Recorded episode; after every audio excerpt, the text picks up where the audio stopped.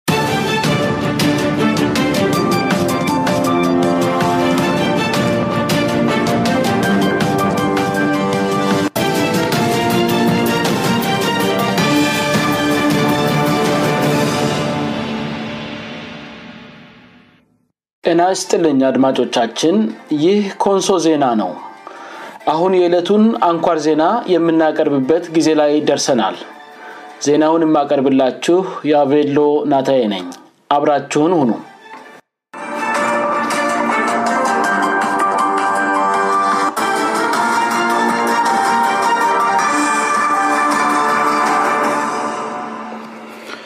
ር ዜናዎችን በማስቀደም የለተሰኘው ጥቅምት 15 ቀን 2014 ዓም አንኳር ዜናዎችን አሰማለሁ በገዋዳእና በኮልሚ አዋሳኝ አካባቢዎች ድንገት በተቀሰቀሰ ግጭት ቢያንስ አንድ ሰው መገደሉ ተሰማ ፍትህ ሚኒስቴርና የጠቅላይ ሚኒስቴር ጽህፈት ቤትን ጨምሮ በአምስት የመንግሥት ተቋማት ላይ ክስ ተመሠረተ በሱዳን የተደረገውን መፈንቅለ መንግስት ተከትሎ የኢትዮጵያ መንግስት ጉዳዩን በቅርበት እየተከታተልኩ ነው አለ አሁን ዜናውን በዝርዝር አሰማለው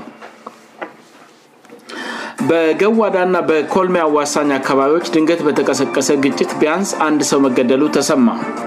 በትላንትናው እለት ኮንሶ ዞንና አሌልዩ ወረዳን በሚያዋስነው ና በተለምዶ አንቴና በመባል በሚታወቀው አካባቢ ድንገት በተቀሰቀሰ ግጭት ቢያንስ የአንድ ሰው ህይወት ማለፉን ና ሁለት ሰዎች መቁሰላቸውን የቦርቀራ ቀበላ ነዋሪዎች ለኮንሶ ዜና ገለጹ በሁለቱም ወገን ባሉ አጎራባች ቀበላያት መካከል እስከ አመቱ መግቢያ ድረስ ጦርነት መካሄዱ የሚታወቅ ሲሆን የችግሩ መነሻ የነበረው በተለምዶ ኮኮበሳላ በመባል በሚታወቀው አካባቢ ባለና በክልሉ መንግስት መፍትሄ አልተበጀለት የመረት ድንበር ጉዳይ ሲሆን የአጎረባጅ ህዝቦቹን ሰላም የማይፈልጉ ጸረሰላም ሀይሎች ለረዥም ጊዜ ህዝቦቹን ለማጋጨትና ለማበጣበጥ ሲጠቀሙበት መቆየታቸው የሚታወቅ ነው እቅዳቸውን ለማሳካት ለዘመናት አብረው የኖረውን በጋብቻ የተሳሰረውን የኮልመና የገዋዳን ህዝብ እንዲጋጩ በተደጋጋሚ የከብት ዝርፊያ ና መሰስ በትናንትና ዕለት ግጭት ሊቀሰቅስ የማይገባ ሁኔታ ወደዚህ ግጭት ማምራቱ ነው የአካባቢው ነዋሪዎች ሎኮንሶ ዜና የገለጹት ከኩኩበሳላ ሁለት ሰአት ወደ ውስጥ በሚያስገባ ና ትክኔ ተብለ በሚጠራው የአሌልዩ ወረዳ አካባቢ ሁለት የአንድ ቤተሰብ አባላት የሆኑ የቀርቃርቴ ሰዎች በዱር መሞታቸውን መሰማቱን እና ይህም ለጸጥታ አካላት ሪፖርት ተደርጎ ብዙ ቁትር ያላቸው የገዋዳ ሰዎች ወደዚያው ለመሄድ በኩኩበሳላ በኩል በሚያስገባው መንገድ ላይ እየተጓዙ ባሉበት በትላንትና ዕለት በተመሳሳይ ከኮልሜ አቅጣጫ ወደ ማስወያ በሞተር ብስክለት የሚጓዙ ሶስት ሰዎች በመካከላቸው በማለፍ ላይ ባሉበት መተናወከል ተፈጥሮ በሞተር ሲጓዙ የነበሩ ሰዎች ከነሞተሩ መውደቃቸውንና እዚያ በወደቁበት በገዋዳ ሰዎች በድንጋይ ክፉኛ መደብደባቸው ታውቋል ከሶስቱ ሞተረኞች አንደኛው ከጠበኞቹ መንገደኞች ራሱን ለማሸሽ የቻለ ቢሆንም ሁለቱ ግን መሸሽ ቻሉበት ሁኔታ ክፉኛ መደብደባቸውንና የአንደኛው እግር ጭምር መሰመሩ ተገልጿል ይህ በንድ እንዳለ ገዋዳ ውስጥ የሞቱ ሰዎችን አስከረን ለማምጣት ከህዝቡ ኋላ ሲመጡ የነበሩ የአለልዩ ወረዳ የጸጥታ አካላት በቦታው ደርሰው እነዚያን ሞተረኞች ከሞት መታደጋቸውንና ኋላ ላይም በአለ ወረዳ ህክምና እንዲያገኙ ካደረጉ በኋላ በራሳቸው አምቡላንስ አምጥተው ዲማያ ላይ ለኮልመ ህዝብ በማስረከብ ታላቅ ተግባር መፈጸማቸው ተገልጿል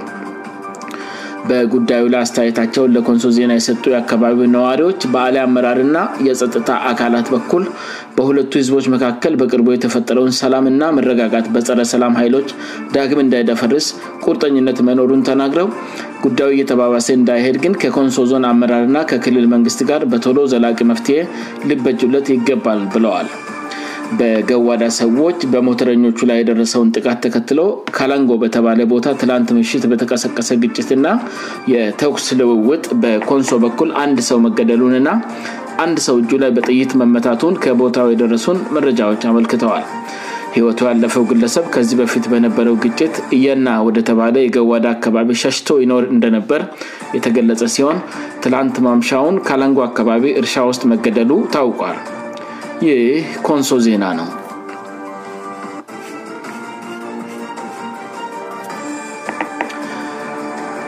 ፍትህ ሚኒስትርና የጠቅላይ ሚኒስትር ጽህፈት ቤትን ጨምሮ በአምስት የመንግሥት ተቋማት ላይ ክስ ተመሠረተ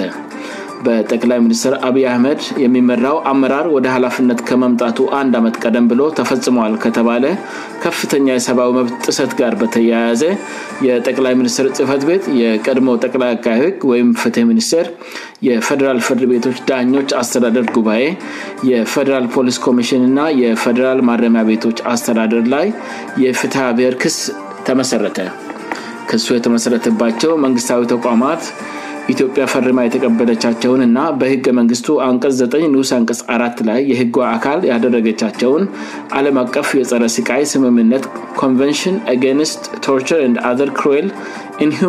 ግ ንቀስ 1 እና 2 ንስ ንቀስ 1 የዓለም አቀፍ የሲቪል ና የፖለቲካ መብቶች ይሲሲ ፒአር አንቀስ 7 ና የአፍሪካ ህዝቦችና ሰዎች መብት ሰነድ አፍሪካ ቻርተር ኦፍ ሁማን ን ፒፕልስ ራይትስ አንቀጽ አምስትና ስድስትን ድንጋጌዎች በመተላለፍ መሆኑን ክሱ ያብራራል የሰብዊ መብት ጥሰት የተፈጸመባቸውና በተቋማቱ ላይ ክሴ የመሠረቱት አቶ ዮናስ ጋሻው ደመቀ የተባሉ ተበዳጅ ሲሆኑ የሰብዊ መብት ጥሰት የተፈጸመባቸው በወንጀል ድርጊት ተጠርጥራል ተብለው በቁጥጥር ስር ከዋሉበት ጥር 5 ቀን 209አም እስከ ሰኔ 15 ቀን2010አም ድረስ መሆኑን በክሱ ተጠቁመዋል የጥቃቱ ሰለባ የሆኑት ከሳሽ ከላይ የጠቀሱት አለም አቀፍ የስምምነት ድንጋጌዎች ተጥሰው ሰቅሎ ወይም አንጠልጥሎ በጎማ ዱላ ና በኤሌክትሪክ ገመድ ግርፋት በሰውነት ላይ የኤሌክትሪክ ሀይል መልቀቅ እንደተፈጸመባቸው በክሱ ተገልጿል በመሆኑም ከሳሽ በአሁኑ ጊዜ ሙሉ በሙሉ መራመድ እንደማይችሉ ለአይምሮና ለከፍተኛ የስነ ልቦና ቀውስ መዳረጋቸውንና መቶ በመቶ ቋሚ የአካል ጉዳት እንደደረሰባቸው በሙያቸው ሰርተው ያገኙት የነበረው ገቢ የባህለቤታቸውን ጨምሮ መቋረጡትንና ሌሎች አካላዊ ና ስነልቦናዊ ችግር እንደደረሰባቸው ክሱ ያብራራል የጉዳቱ ሰለባ የሆኑት ከሳሽ የተጠቀሱት ቋሚ ጉዳቶች የደርሱባቸው በወንጀል ጉዳይ እንደሚፈለጉ በቁጥጥር ስር ያዋላቸው የፌደራል ፖሊስ በወቅቱ በስራ ላይ የነበረውን የጸረ ሽብር አዋጅ ቁጥር 652 ዝባር 21 ድንጋገን በመተላለፍ ያለምንም የፍርድ ቤት ትእዛዝ ከአንድ ወርበላይ ታስረው እንዲቆዩ በማድረጉና ያልፈጸሙትን ወንጀል ፈጽም ያለው ብለው እንዲያምኑ በተለያዩ የፖሊስ አባላት ተሰቅለው በመገረፋቸው የኤሌክትሪክ ሀይል እንዲለቀግባቸው በመደረጉና ከሰ 15 ቀን29 ዓ ም ጀምሮ ክስ ተመስርቶባቸው ቅልንጦ የቀጠሮ እስረኞች ማቆያ ከተወሰዱ በኋላም የደረሰባቸውን አካላዊ ጉዳት እንዳይታከሙ በመከልከላቸው መሆኑን ክሱ ያስረዳል በጊዜ ቀጠሮ ለአራት ወራት ፍርድ ቤት ከተመላለሱ በኋላ ለጥርጣሬ የሚያበቃ ማስረጃ በመታጣቱ በነጻ ወይም በዋስ መለቀቅ ሲኖርባቸው ፍርድ ቤቱ ምንም ሳይል መዝገቡን ዘግቶ ለስድስት ወራት ያህል በማይከላዊ ሲገረፉና ሲደበደቡ ቆይተው ክስ ከተመሰረተባቸው በኋላ የፈደራል ከፍተኛ ፍርድ ቤት 19ኛ ወንጀል ችሎት አቤቱታቸውን እያሰማ ምንም አይነት ትእዛዝ ባለመስጠቱ ጉዳቱ እየባሴ መምጣቱን ክሱ ይጠቁማል በአጠቃላይ ከሳሽ የተያዙበት ሁኔታ ህገወጥ መሆኑን ቢያመለክቱም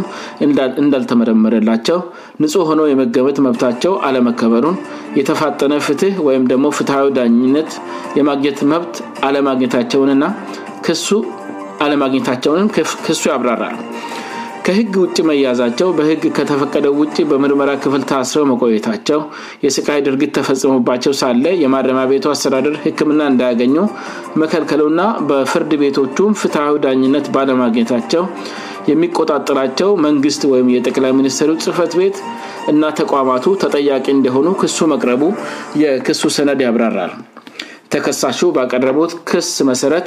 ተከሳሽ ተቋማት በአጠቃላይ ለደረሰባቸው አእምራዊ አካላዊ ጉዳት 9 ሚ821339 ብር የካሳ ክፍያ እንድከፈላቸው ጠይቀዋል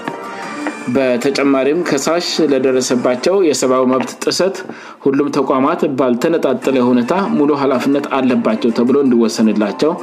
የተፈጸመባቸው ድብደባና ስቃይ ኢትዮጵያ ተቀብላ የህገ መንግስቱ አካል ያደረገቻቸውን አለም አቀፍ ድንጋጌዎች የጣሰ ነው እንዲባልላቸው ተቃማቱ ስልጣን ባለው አካል ትእዛዝ በመስጠት የሰብአዊ መብት ጥሰት እንዲፈጽሙ በታዘዙ የፌደራል ፖሊስእና ማድረሚያ ቤቶች ሰራተኞችና ኃላፊዎች ላይ የወንጀል ክስ እንዲያቀርቡ እንድታዘዝላቸው ዳኝነት ጠይቀዋል በማናቸውም ሁኔታ የታሰሩ ሰዎች አያያዝ ና የሰብአዊ መብት ጥሰት የስቃይ ተግባር ወይም ቶርችር እንዳይፈጸምና ስውር እስር እንዲቀር ትዛዝ እንድሰጥና ሌሎችም ትእዛዝ እንድሰጥላቸው በጠበቆቻቸው አማካይነት ባቀረቡት የፍትህ ብህር ክስ ዳኝነት ጠይቀዋል ዘገባው የሪፖርተር የድረገጽ ጋዜጣ ነው ይህ ኮንሶ ዜና ነው በሱዳን የተደረገው መፈንቅለመንግስት ተከትሎ የኢትዮጵያ መንግስት ጉዳዩን በቅርበት እየተከታተልኩ ነ አለ የኢትዮጵያ መንግስት በሱዳን ያለውን ሁኔታ በቅርበት እየተከታተለ መሆኑን አስታወቀ የኢትዮጵያ ውጭ ጉዳይ ሚኒስተር በሱዳን ወቅታዊ ሁኔታ ላይ መግለጫ ወጣ ሲሆን ሚኒስቴሩ ባወጣው መግለጫ ኢትዮጵያ የሱዳን ህዝብ ለዋላዊ ምኞቶች እንድከበሩ ጽኑ ፍላጎት እንዳላት አስታውቀዋል አዲስ አበባ በካርቱም ፖለቲካ የውጭ ተዋናዮች ጣልቃ እንደማያስፈልግም ሚኒስተሩ ገልጸው የኢትዮጵያ መንግስት በሱዳን የተከናወኑትን ክስተቶች በቅርበት እየተከታተለ መሆኑን ና ይህም በሁለቱ ሀገሮች ህዝቦች መካከል ለዘመናት ካለው ጠንካራ የወንድማማችነት ትስስር የመነጭ እንደሆነም ጨምረው ተናግረዋል የሱዳን ሉዓላዊ የሽግግር ምክር ቤት ስመሰረት የኢትዮጵያ መንግስት በማስታረቅና የሽግግሩን ዘመን ህገ መንግስት ሰነድ እውን በማድረግ ረገድ ጉልህሜና መጫወቱንም መግለጫው አስታውሷል የኢትዮጵያ መንግስት በሱዳን ሰላምና መረጋጋት እንዲሁም መረጋጋት እንዲር ይህ ቃውስ በሰላማዊ መንገድ እንዲቆም ሁሉም አካላት ጥረት እንዲያደርጉ ጥሪ ያቀርበዋል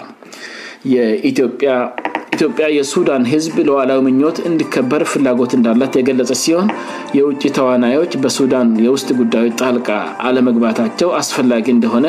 እምነቷ መሆኑንም ገልጻለች የኢትዮጵያ መንግስትና ህዝብ እንደከዚ ቀደሙ ሁሉ ከሱዳን ህዝብ ጎን እንደሚቆምም በመግለጫው ተገልጿል